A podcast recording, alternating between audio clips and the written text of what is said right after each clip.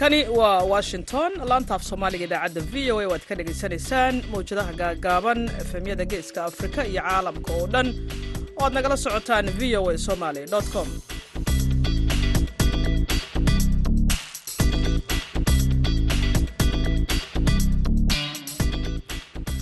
Waa maalin axad ah bisha disembar waa siddeed iyo toban sanadku waa laba kun laba iyo labaatan. Afrikada bari saacaddu waxay tilmaamaysaa kowda iyo barka duhurnimo magaalada washington d c ee idaacadda sida tooska idinkaga imaanaysana saacaddu waa shanta iyo barka aroornimo idaacadda duhurnimo ee barnaamijka dhallinyarada maantana waxaa idinla socodsiinaysaa caashe ibraahim aadan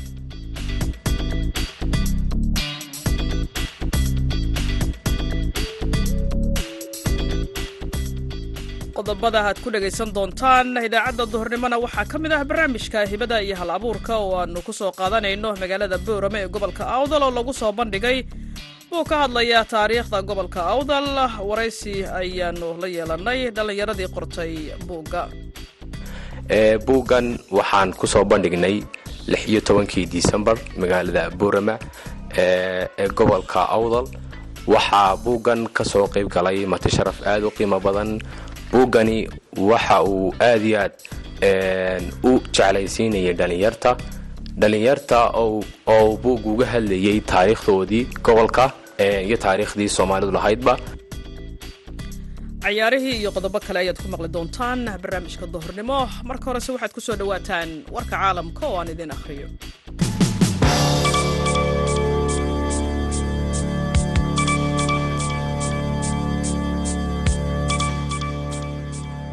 maleeshiyaad looga shakisan yahay in ay weerar ku qaadeen saldhig boolis oo ku yaalla laki marwaad oo ka tirsan gobolka khaybar bashtukhwa ee waqooyiga galbeed ee dalka bakistan ayaa waxa ay dileen afar boolisa afar kalena dhaawacay. Shahiid xameed oo ah afhayeenka booliska laki ayaa u sheegay wargeyska down ee ka soo baxa dalka bakistan in dableyda ay weerareen saldhigga saqdii dhexe ee xalay balse ay u suuro geli weyday in ay gudaha u galaan dhismaha oo ay halkaasi ka baxsadeen. War ay tabisay wakaaladda wararka ee associated press ayaa lagu sheegay in weerarka ay u adeegsadeen bamgacmeedyo iyo hub toosa. Down ayaa waxa uu sheegay in boolisku ay tuhunsan yihiin in kooxda la mamnuucay ee tahriig taalibaan bakistan amaba kooxda magaceeda loo soo gaabiyay t t p ay mas'uul ka tahay weerarka dhacay xalay. Saraakiisha ayaa sheegay in aysan jirin cid sheegatay mas'uuliyadda weerarkaasi. Ruushka ayaa diraya u diraya ciidamadooda jiidda hore ee dalka ukrain fanaaniin si ay niyadda askarta ruushka sare ugu qaadaan.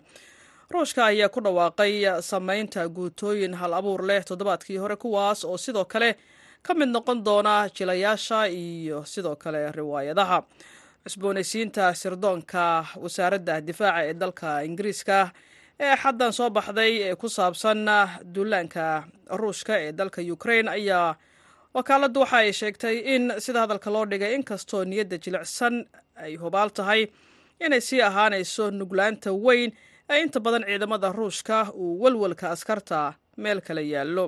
Wasaaraddu waxa ay tiri walaaca askarta ayaa ugu horeyn waxa uu diiradda saaraya heerka khasaaraha aadka u sarreeya hoggaan xumo dhibaatooyinka mushaarka qalab la'aan iyo sidoo kale rasaasta iyo caddayn la'aanta ujeedooyinka dagaalka.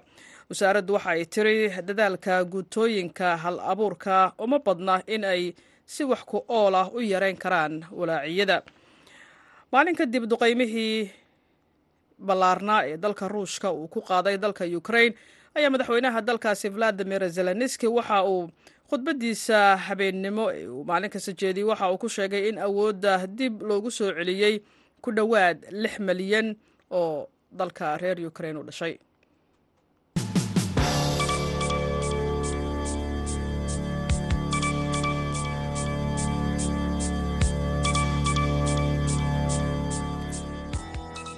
wanaagsan. Ayaan dhegaystayaal mar kale hawada idinka leenahay. Meel kastoo aad naga maqlaysaan haatana waxaad ku soo dhowaataan barnaamijka hibada iyo hal abuurka.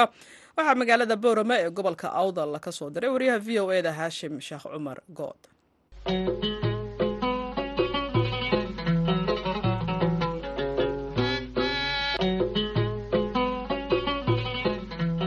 Kulanti wanaagsan dhegaystayaal ku dhowaada barnaamijka hibada iyo hal abuurka oo maalin walba oo axada aad hadahan oo kale ka dhegaysataan laanta afka soomaaliga ee v o a idaacadda duhurnimo ee barnaamijka dhallinyarada maanta. Barnaamijkeenna toddobaadkan oo idinkaga iman doona magaalada boorame ee gobolka awdal. Waxaynu ku soo qaadan doonaa dhallinyarada inta badan hal abuurta qoraalada buugta. Waxaana barnaamijkeenna inoogu martiya laba dhallinyaro ah oo qoray buugga la yidhaahdo ilbaxnimadii adal imbayr dhallinyaradaasi oo kale ah cabdiqaadir abukar sheekh cabdi iyo cabdilaahi maxamed cabdilaahi ku soo dhowaada barnaamijka toddobaadkan ee hibada iyo hal abuurka ee laanta afka soomaaliga ee v o a. Aad baan ugu dhownahay master hashim. Aad baana kuu salaamayaa aad iyo aad baan ugu dhowahay barnaamijka. Weriye sare haashim aad baad umahadsan tahay.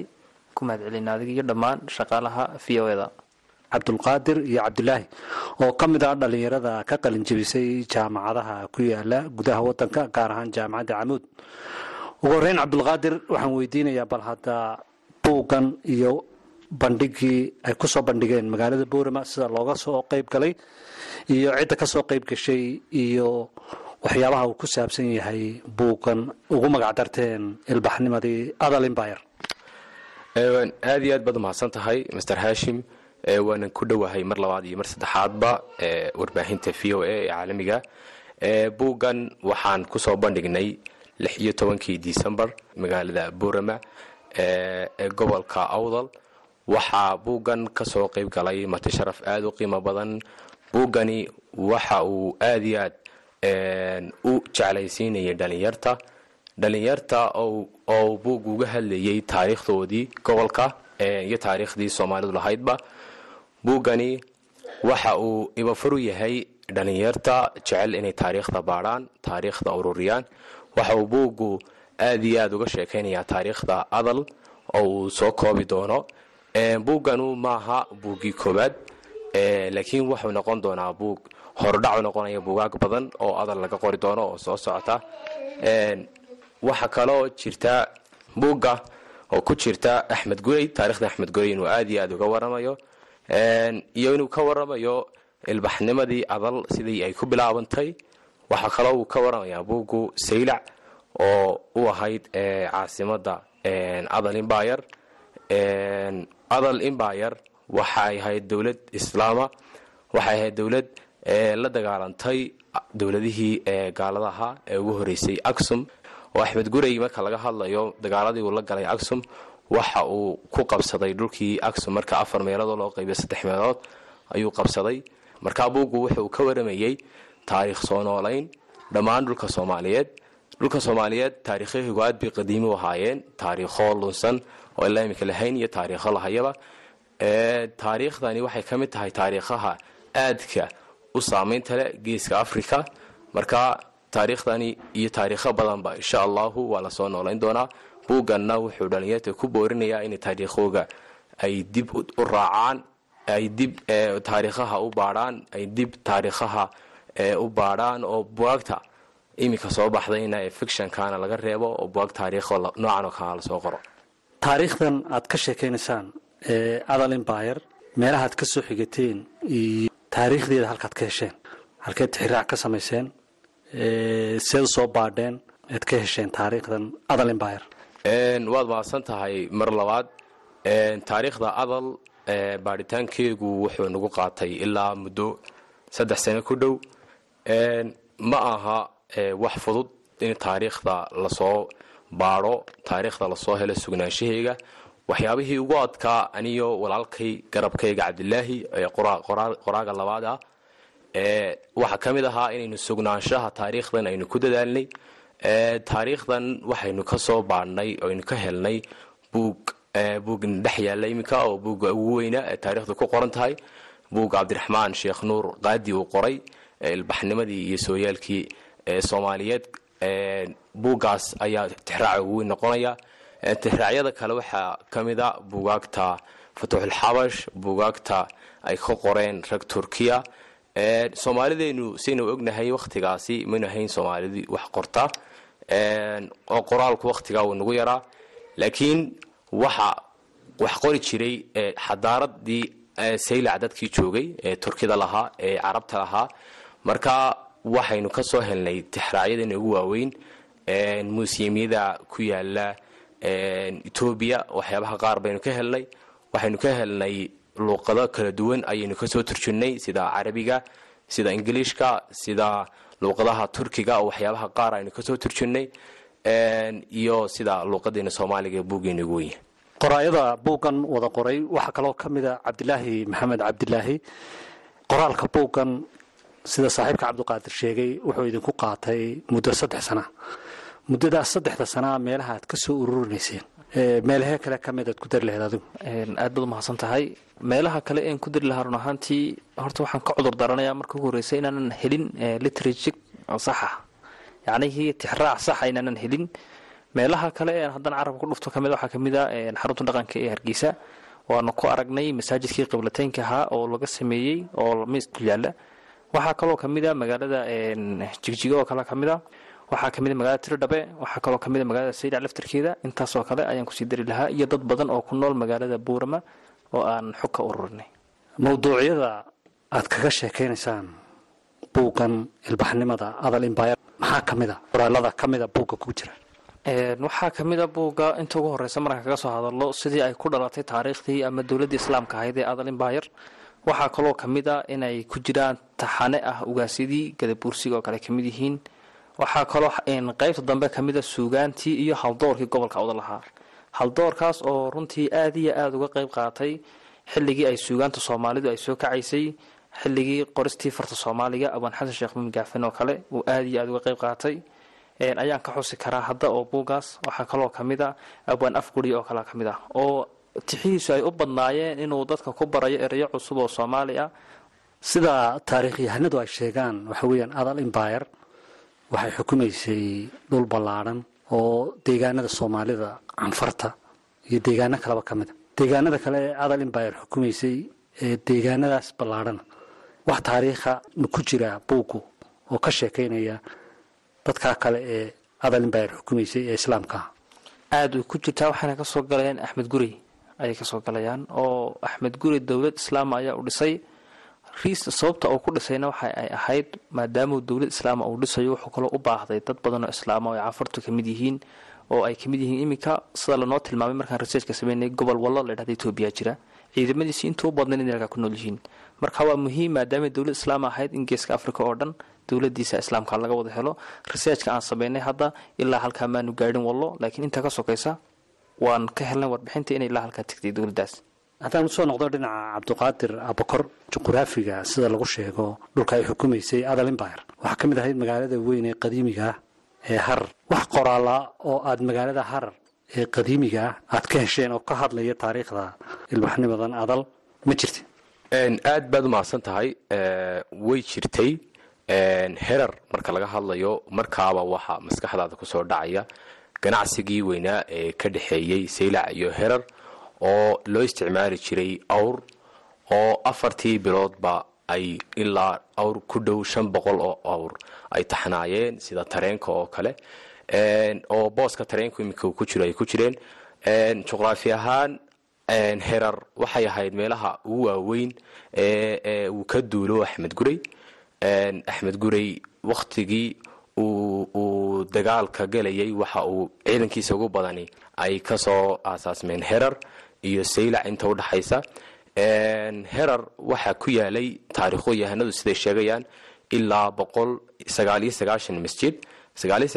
Masjidi waxay lahaayeen magacda ilaahay oo masjid walba waxaa la odhanayay magaca ilaahay ayaa loogu magac daray. Herar waxay kaloo caan ku ahayd ganacsiga juqraafi ahaanna waa halka ay ka soo noqonaysay xuduud ahaan adal oo herar ilaa iyo waxay isku xidhnayd ilaa dhulka danaakilaha loo yaqaano eliteria xeebaha eliteria marka herar juqraafi ahaan waxay isugu xidhnayd saylac iyo herar ganacsiga ay aada iyo aad isugu xidhnaayeen. Waxyaabaha ka mid a xadaaradihii adal imbayr amase ilbaxnimada adal imbayr ee buuggiina aad ku qorteen maxaa ka mid a ee ku xusan buuggan xadaaradaha adal imbayr ee buuggeyga ku xusan waxaa ka mid a oo ka kowa halkii ay ka gaadhay ilbaxnimada dadka deganaa adal imbayr oo ahaa dadkan gobolka awdal. Ilbaxnimada halkaay ka gaadheen iyo xadaaradoodu waxaan tusaale u soo qaadan karaa wakhtigii kun sideed boqol iyo afar iyo siddeetankii ay yimaadeen nimanka ingiriiska ahaa ee gumaystayaha.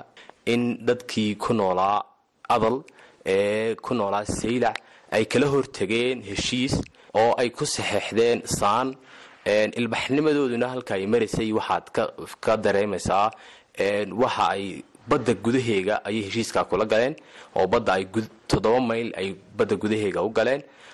Toddobada mayl ee badda gudaheega u galeeni waxay matalaysaa in baddii internationaalkii ay la tegeen nimankii ingiriiska ahaa iyagoo doon dusheeda welibana kula saxeexanaya haragga marka ilbaxnimada adali ma aha mid iminka waynu aragnaayo dadkeena ree awdal. Waxaa la waa ilbax waa aqoon-yahaniin. Aqoon-yahanimadan iyo ilbaxnimadan ma aha mid iminka soo bilaabantay. Waa mid ilaa iyo ilaa iyo qarnigii shan iyo tobanaad horaantiisii ilaa iyo qarnigii afariyo tobanaad jirtay weeyaan. Waxaan aad iyo aad ugu mahad celinayaa ilbaxnimadii iyo xadaaradii gobolka awdal ilaa iminka way ku suntan yihiin iyo qalankii iyo waxbarashadii. Cabdilaahi ilbaxnimada adal imbayr lahayd qoraalka aad ka samayseen ee buuggiinan ku qoran ma la odhan karaa ilbaxnimada waxaad ku soo koobteen dadka hadda gobolkan awdal degan may lama odhan karo waxaa jirtay qarnigii markii taarikhdu ahayd kun shan boqol iyo labadii. Mar ay saddex doomood ay ku soo xidheen magaalada saylac oo kalea jiray. Marka dadkii halkaa deganaayey waxaa jiray nin xukumayay markaa magaalada xudiida ee dalka yaman xadaaradoodii ilbaxnimadoodii waxay gaadhsiisay in saddexdii doomood halkii joogaan ay halkii ku nabad galaan. Kadib markii uu yimiday ninkii markaa xudiida xukumayey saddexdii doomood siday ku qaato. Sidoo kale gobolkan keliya xadaaradda kuma soo koobno waxaa kaloo ka mid a gobolka ah ku sheegay etoobiya keliya walla la ydhaahdo ilaa iyo hadda waxaa weli laga sii ciyaaraa ciyaarihii dhaqanka ahaa iyo sayliciga ahaa ee ciidankii axmed guri ay ka ahaayeen. Marka waa mid ballaaran laakiinse hadda buuggan waxa uu yahay un ibafur marka insha allah weli researchka kale waan wadnaa oo gobollada kale hadda awood umaana yeelina gaadhno insha allah laakiin xadaaradii weli way ka sii muuqataa soo warbixinta lanagu siiyey gobolka wallona way ka sii jirtaa ilbaxnimadii adalinbayar marka ma aha marnaba mid gobolkan oo keliya ku soo koomi karaa waxaa kaloo kamida berbere oo kale ka mid bay tahay albaxnimadoodii. Waayo markii uu wiilkii uu sacaadudiin uu dhalay sabrudiin halkii uu ka soo degay oo ciidanka etoobiya kaga duulay berbere ayay ahayd. Marka waa ibafurkii koobaad waa uu socdaa insha allahu tacaala yaa idinka caawiyey oo gacan idinka siiyey qoraalka buuggan dad kala badan dad kala duwan baa naga siiyey oo daliya dibadba jooga. Oo ay ka mid yihiin ugu horeeyo oo maayarka magaalada buurama iyo barsaabka aqoon-yahanada buurama ay ka mid yihiin. Ay ka mid yihiin doctoro doctor cabdiraxmaan jaamac hadiyo kaloo ka mid yahay. Dad bar fara badan oo sidaas ayaa naga siiyey. Waxaa kaloo naga siiyey dad badan oo etoobiya jooga oo xasan ciise ugu horeeyo ayaa naga siiyey in aan tegno meelaha qaar. Waxyaaba badan inoo fudiidiyey kuwaasoo kale ka mid aan ka xusi kara hadda. Laakiin shaqsi shaqsi haddaanu dul istaag idhaahdo aad bay u fara badan yihiin. Dadku aad bay noo wada ay noo wada caawiyeen. Oo maxaan ku dhaha buugga aad nooga caawiyeen marka. Ciyaare dhaqameedka xadaaradda loo lahaa ee buugku ka sheekaynayo kuwee ka mid a cabdiqaadir? Aad baad mahadsan tahay mar kale ciyaaro dhaqameedka buuggu ka sheekaynayo waxaa ka mid a ciyaaraha sayliciga oo sidaa saaxiibkay sheegay gobollada kamida etoobiya ilaa iminka laga ciyaaro ciyaaraha sayliciga waxaa ku jirta marka sayliciga laga hadlaya buuggu inuu ka hadlayo muliyo saysay ninkii gabadhii la odhanayay muliyo iyo wiilkii xuseen oo iyagu xuseen uu ahaa nin joogay bombay. Gabadhuna ay ahayd muliyo gabadh joogta saylac oo saylicigii halkaasuu ka soo bilaabmay. Dabadeeto uu xuseen leeyahay sayliciga ku soo qaadayo ay iyaduna leedahay muliyo. Markay xuseen raadinayso doonyihii suuriyo kuwii saaxiilba yimiye. Doonyaha bombay ma baa ku jaban. Marka in lagu leeqeeyana waan jeclaan lahaa. Markaa sayliciga ayaa ka mid ah ciyaar dhaqameedka ugu waaweyn ee aynu ku soo qornay buuggeena dad badani waxay aaminsan yihiin in xadaaradaasi adal meelaha udubdhexaadka u noqon kara ee laga raadin karo ay ka mid yihiin dalka jabuuti dalka jabuuti wax raadraaca ama cilmi baadhisa oo aada u tegteed ma jira. Dalka jabuuti waxaynu ka helnay bugaag ka waramaya xaaji diide xaaji diide inuu ahaa nin soomaaliya oo reer saylaca oo ganacsade reer saylaca ahaa oo herar ilaa iyo jabuuti ka ganacsan jiray jabuuti waxaynu ka helnay dad kale oo aqoon-yahana oona taageeray dhinaca taariikhda. Wax badan nooga sheegay oo aqoon-yahana oo jabuuti ku sugan oo xalay oo lix iyo tobankii disembar ahayd bandhigana nala joogay. Aad iyo aad baan uga mahad sida qurux badan ay soo qayb galeen iyo taarikhda sida wacan ay noogu sheegeenba intaas waxaynu ku soo gunaanadaynaa kuna soo gebagabaynaynaa barnaamijkeenii hibada iyo hal abuurka ee toddobaadkan oo aynu ku soo qaadanay buugga ay qoreen labada dhallinyara ee kale ah cabdiqaadir abukar sheekh cabdi iyo cabdilaahi maxamed cabdilaahi kana qoreen ilbaxnimadii adal imbayr oo lix iyo tobankii bishan disembar ay ku soo bandhigeen magaalada boorame ee gobolka awdal waxaa barnaamijka idinka soo diyaariyey magaalada boorame anigoo haashim sheekh cumar good. Tan iyo kulantideenna dambe dhegaystayaal waxaan idinkaga tegayaa sidaas iyo nabadgelyo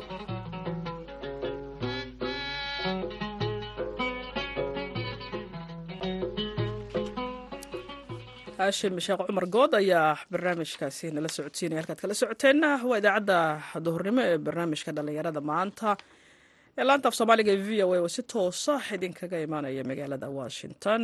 Hees dabacsan ayaad goordhow maqli doontaan hase aatee qodobada warka caalamka ugu weynna. Waxaa ka mid ah maleeshiyaad looga shakisan yahay in ay weerar ku qaadeen saldhig boolis oo ku yaalla laki marwaad oo ka tirsan gobolka khaybar baashtuuqwa ee waqooyiga galbeed ee dalka bakistan ayaa dilay afar boolis ah afar kalena dhaawacay. Shahiid xameed oo ah afhayeenka booliska laki ayaa u sheegay wargeyska down ee bakistan in dableyda ay weerareen. Saldhigga saqdii dhexe ee xalay balse ay u suuro geli weyday in ay gudaha u galaan dhismaha oo ay halkaasi ka baxsadeen. War ay tabisay wakaaladda wararka ee associated press ayaa lagu sheegay in weerarka ay u adeegsadeen bam gacmeedyo iyo hub toosa. Down ayaa waxaa uu sheegay in boolisku ay tuhunsan yihiin in kooxda la mamnuucay ee loo soo gaabiyay t t b ay mas'uul ka tahay weerarka. Saraakiishu waxa ay sidoo kale sheegeen inaysan jirin cid sheegatay mas'uuliyadda. Ruushkana waxa uu u diray ciidamadooda jiidda hore ee ka dagaalamaya dalka ukraine fanaaniin si ay niyadda askarta ruushka sare ugu qaadaan. Ruushka ayaa ku dhawaaqay samaynta guutooyin hal abuur leh toddobaadkii hore kuwaas oo sidoo kale ka mid noqon doona jilayaasha riwaayadaha ee ciidamadaasi ag jooga. Maalin kadib duqeymihii ballaarnaa ee dalka ruushka uu ku qaaday ukraine ayaa madaxweynaha dalka ukraine valadimir zelenski waxa uu khudbadiisa habeennimo ku sheegay in awoodda dib loogu soo celiyey ku dhowaad lix milyan oo reer ukraine. Haatan waxaad nala dhegaysataan heestan dabacsan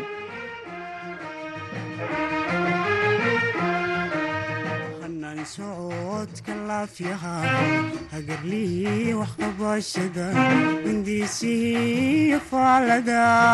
Uhalceliiska shiikada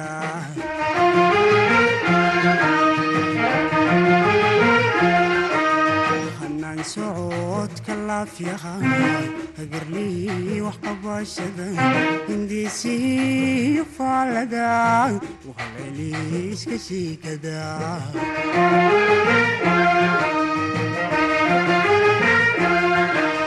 Haddaan caana lagu qabayn amman hooyadeed korin ma haysin asluubta iyo xishoodkee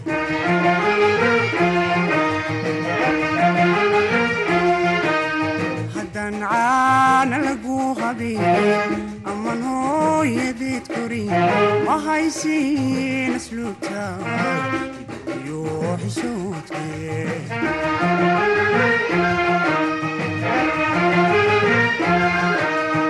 waxa kugu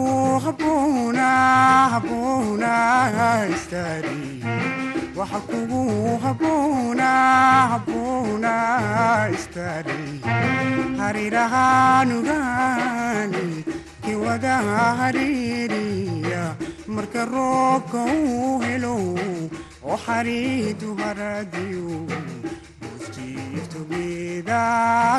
together hoos jiif together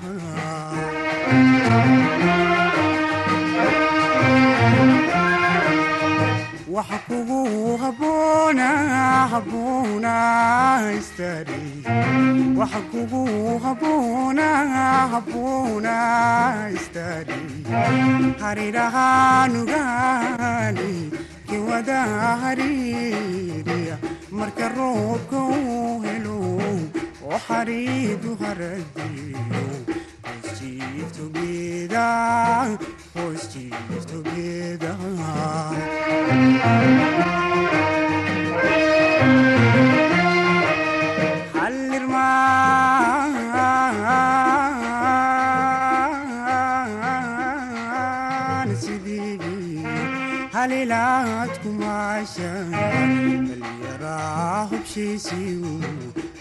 hoosjiiftogeeda hoosjiiftogeeda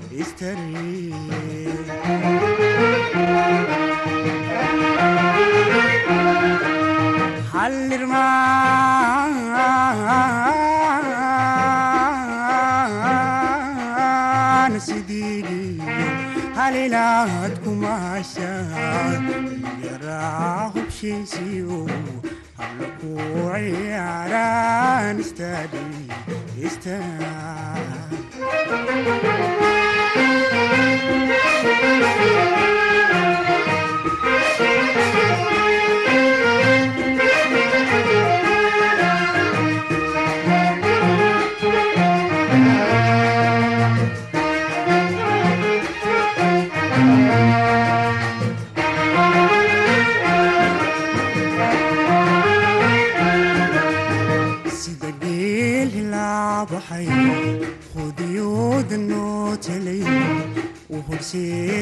yahay higsanaayo guurwaca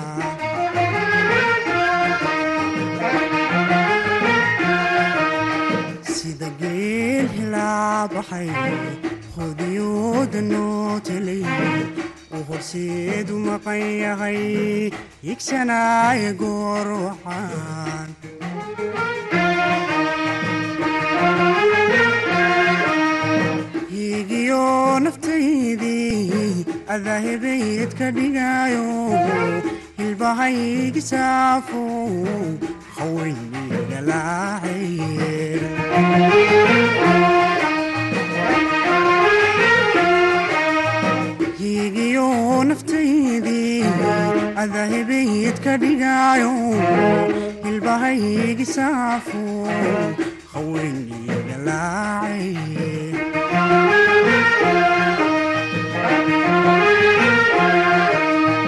waxa kugu haboona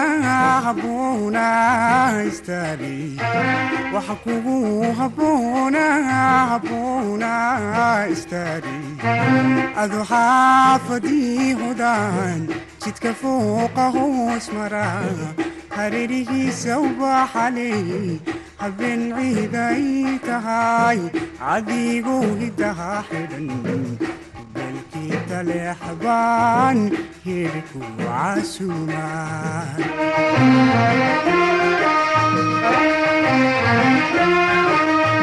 waxa kugu haboona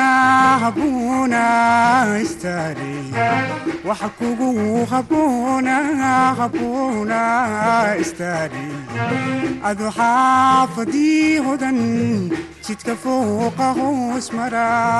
Hareerihiisa ubaxaley habeen ciiday tahay. Cadigu hidaha xidhan beelkii taleexbaan hidhku casuumaa codkaasi waxa uu ahaa naxariistan allaha siiye fanaankii cumar nuur cabdulle. Heesta waxay ahayd ister waxay gebagabo u ahayd barnaamijkii duhurnimo ee dhallinyarada. Idaacadda waxaa isku soo dubaraday bashiir abikar cabdulaahi waxaa idinla socodsiinaysay caashe ibraahim aadan. Intaan mar kale kulmayno waxaan dhammaanteen idin leenahay. Nabadgelyo